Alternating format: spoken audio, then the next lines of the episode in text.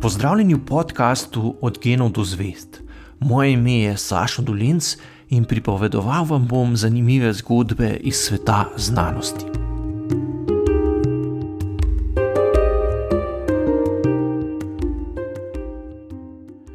Lizbono je 1. novembra 1755 stresel močan potres, ki ni porušil le hiš, povzročil velikega razdejanja in terjal več deset tisoč žrtev, ampak je pomembno vplival tudi na razsvetljenske učenjake.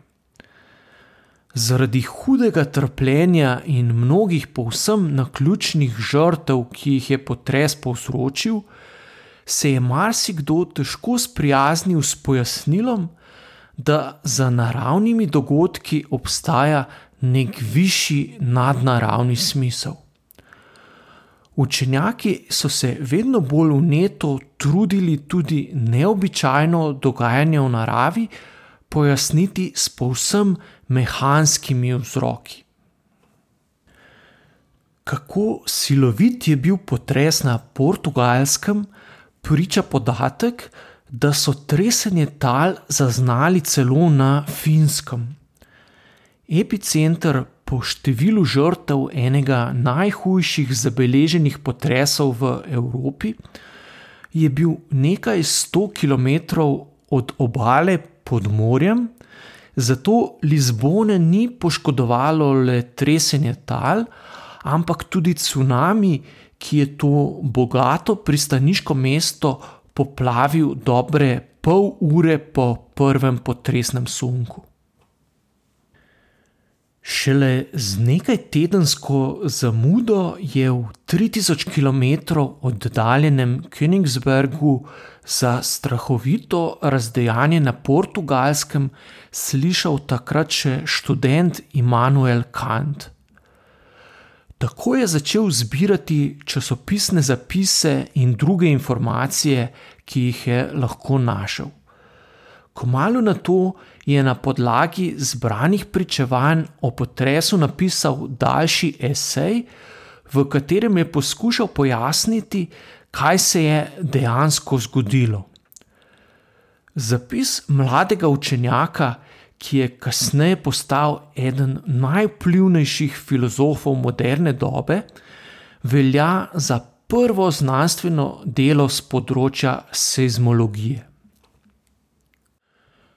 V razpravi je Kant poskušal lizbonski potres pojasniti s povsem naravnimi mehanskimi silami.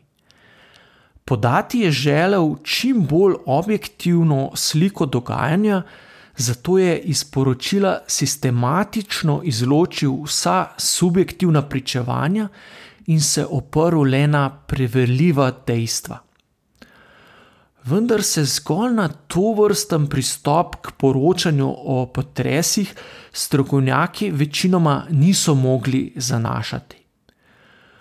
Dokler učenjaki niso imeli na voljo naprav, s katerimi so lahko natančno izmerili jakost in druge lastnosti potresov, so se morali opirati predvsem na opise poškodb in druga opažanja, ki so jim jih podale neposredne priče, na ključno prisotne na kraju dogajanja. Ko je na velikonočno nedeljo 14. aprila 1895 nekaj po 8. uri zvečer močno bobnenje in tresenje zbudilo ljubljančane, je bila znanost o potresih že bistveno bolj razvita, kot je bila v času Lizbonskega potresa sredi 18. stoletja, a je vseeno tudi velik ljubljanski potres pomembno vplival na razvoj seizmologije. Kot odziv na velikonočno rušilno tresenje tal v Ljubljani, so že po desetih dneh v okviru Dunajske akademije znanosti pod vodstvom fizika Ernsta Maha ustanovili posebno komisijo za potrese. Ena od njenih prvih zadolžitev je bila, da po avstro-ogrski monarhiji vzpostavi sistem izšolanih opazovalcev, ki bodo lahko hitro, zanesljivo in natančno poročali o potresih. Prav v Ljubljani so postavili prvo moderno potresno opazovalnico v monarhiji, ki je bila tudi ena prvih te vrste na svetu. Ključna oseba, ki je poskrbela, da je Ljubljana za kratek čas postala središče dogajanja v seizmološki znanosti, je bil mlad znanstvenik Albin Belar. Rodil se je 21. februarja 1864 v Ljubljani. Njegov oče Leopold je bil učitelj, skladatelj in zborovodja. V zakonu z Marijo Mudsko sta imela le enega otroka, ki sta mu omogočila za tiste čase najboljšo izobrazbo. Albin je v Ljubljani obiskoval ljudsko šolo, nižjo gimnazijo in realko, na kateri je leta 1883 maturiral. Na to je odšel na študij v Gradec in na Dunaj, kjer je diplomiral iz kemije in doktoriral iz fizike. Za njegovo znanstveno kariero je bilo zelo pomembno, da je med študijem poslušal predavanja iz seizmologije pri slavnem geologu Eduardu Suesu. Po zaključku šolanja je odšel še na daljše študijsko popotovanje po Italiji, Franciji in Nemčiji, kar mu je omogočilo, da je navezal stike z mnogimi pomembnimi naravoslovci tistega časa. Leta 1890 je sprejel službo asistenta za kemijo in naravoslovje pri Mornariški akademiji na Reki, kjer je predaval in raziskoval šest let. Po ljubljanskem potresu ga je povsem prevzela seizmologija, zato se je vrnil v Ljubljano in postal profesor na realki. V kleti šole na Vegovi ulici je s finančno pomočjo Kranske hranilnice in še nekaterih podjetij leta 1897 vzpostavil prvo moderno seizmološko opazovalnico. Ker mu ni uspelo dobiti dovolj dobrih inštrumentov, je mnoge izdelal ali vsaj izpopolnil kar sam. Za razvoj seizmografa Zlatorog je dobil na razstavi znanstvenih inštrumentov celo veliko nagrado. Pomemben problem za natančno zaznavanje potresov je bilo tudi točno merjenje časa. Z ljubljanskim izumiteljem baronom Antonom Kondeljem sta zato izdelala enega prvih radijskih sprejemnikov pri nas, ki je bil namenjen prav sprejemanju časovnih signalov. Poleg razvoja in nadgradnje inštrumentov je Belar veliko časa posvetil tudi takrat zelo pomembnemu problemu seizmologije kako čim bolje uskladiti meritve inštrumentov s pričevanji očividcev. Da bi za svoje raziskave zbral čim več zanesljivih podatkov, je začel v Ljubljani izdajati posebne vrste znanstveno revijo, v kateri ni objavljal le strokovnih razprav najbolj znanih seizmologov z vsega sveta, ampak tudi sestavke o potresih za splošno javnost. Vendar ga niso zanimali le potresi. Že leta 1903 je deželni vladi predlagal ustanovitev zavarovanega območja v dolini Triglavskih jezer, pripravil pa je tudi katalog naravnih spomenikov dežele Kranske, ki je močno podoben seznamu danes zaščitenih znamenitosti. Če bi njegovo pobudo takrat sprejeli, bi imeli pri nas prvo v Evropi zaščiteno naravno območje, na enak način, kot je bil leta 1872 v ZDA Yellowstone razglašen za prvi nacionalni park na svetu.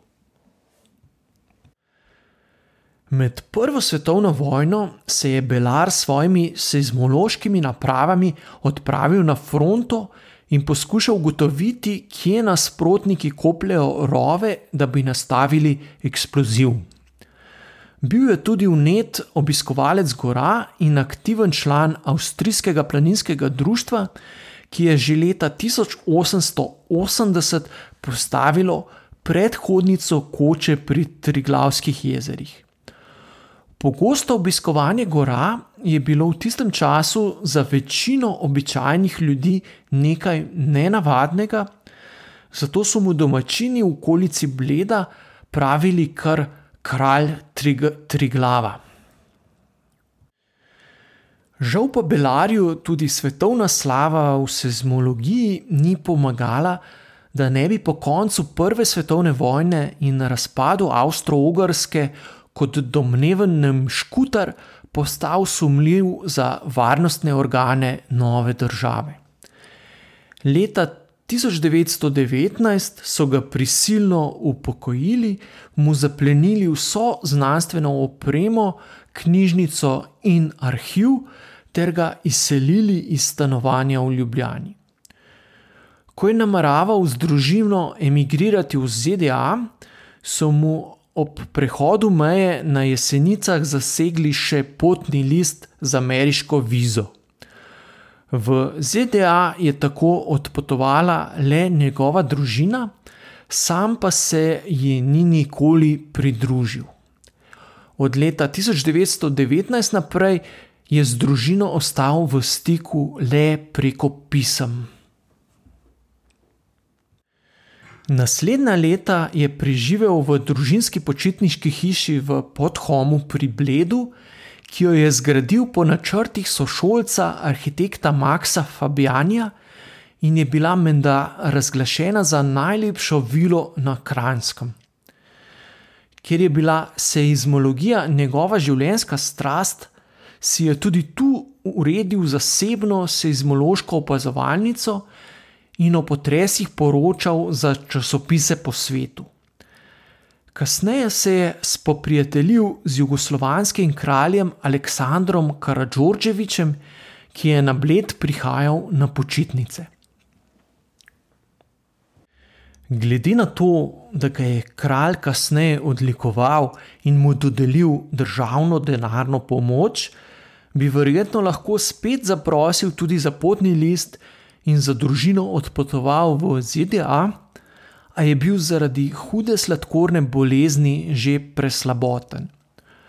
Počasi sta mu pešala vid in sluh, tako da tudi pisem ni mogel več pisati sam, ampak jih je narekoval. Ko ni mogel več skrbeti zase, se je leta 1930 z Bleda preselil k družinskim prijateljem v Polom pri Kočevju. Alpin Belar je umrl 1. januarja 1939, osamljen in pozabljen, čeprav brez dvoma sodi med najpomembnejše učenjake, ki so kdajkoli delovali na področju današnje Slovenije. Ljubljana je bila v času od potresa leta 1895 do konca Prve svetovne vojne prav zaradi njegovega dela pomembno svetovno središče seizmološke znanosti, o čemer pričajo zgodovinski pregledi, ki Belarjevo znanstveno delo postavljajo ob bok drugim pomembnim seizmologom v zgodovini te vede. To je bil podcast Od genov do zvest. Moje ime je Saša Dolence in z novo zgodbo se vam oglasim že k malu. Informacije o tem, kako nas lahko podprete, najdete na spletni strani kvarkadabra.net pošiljka podpri. Vaši odzivi nam res veliko pomenijo.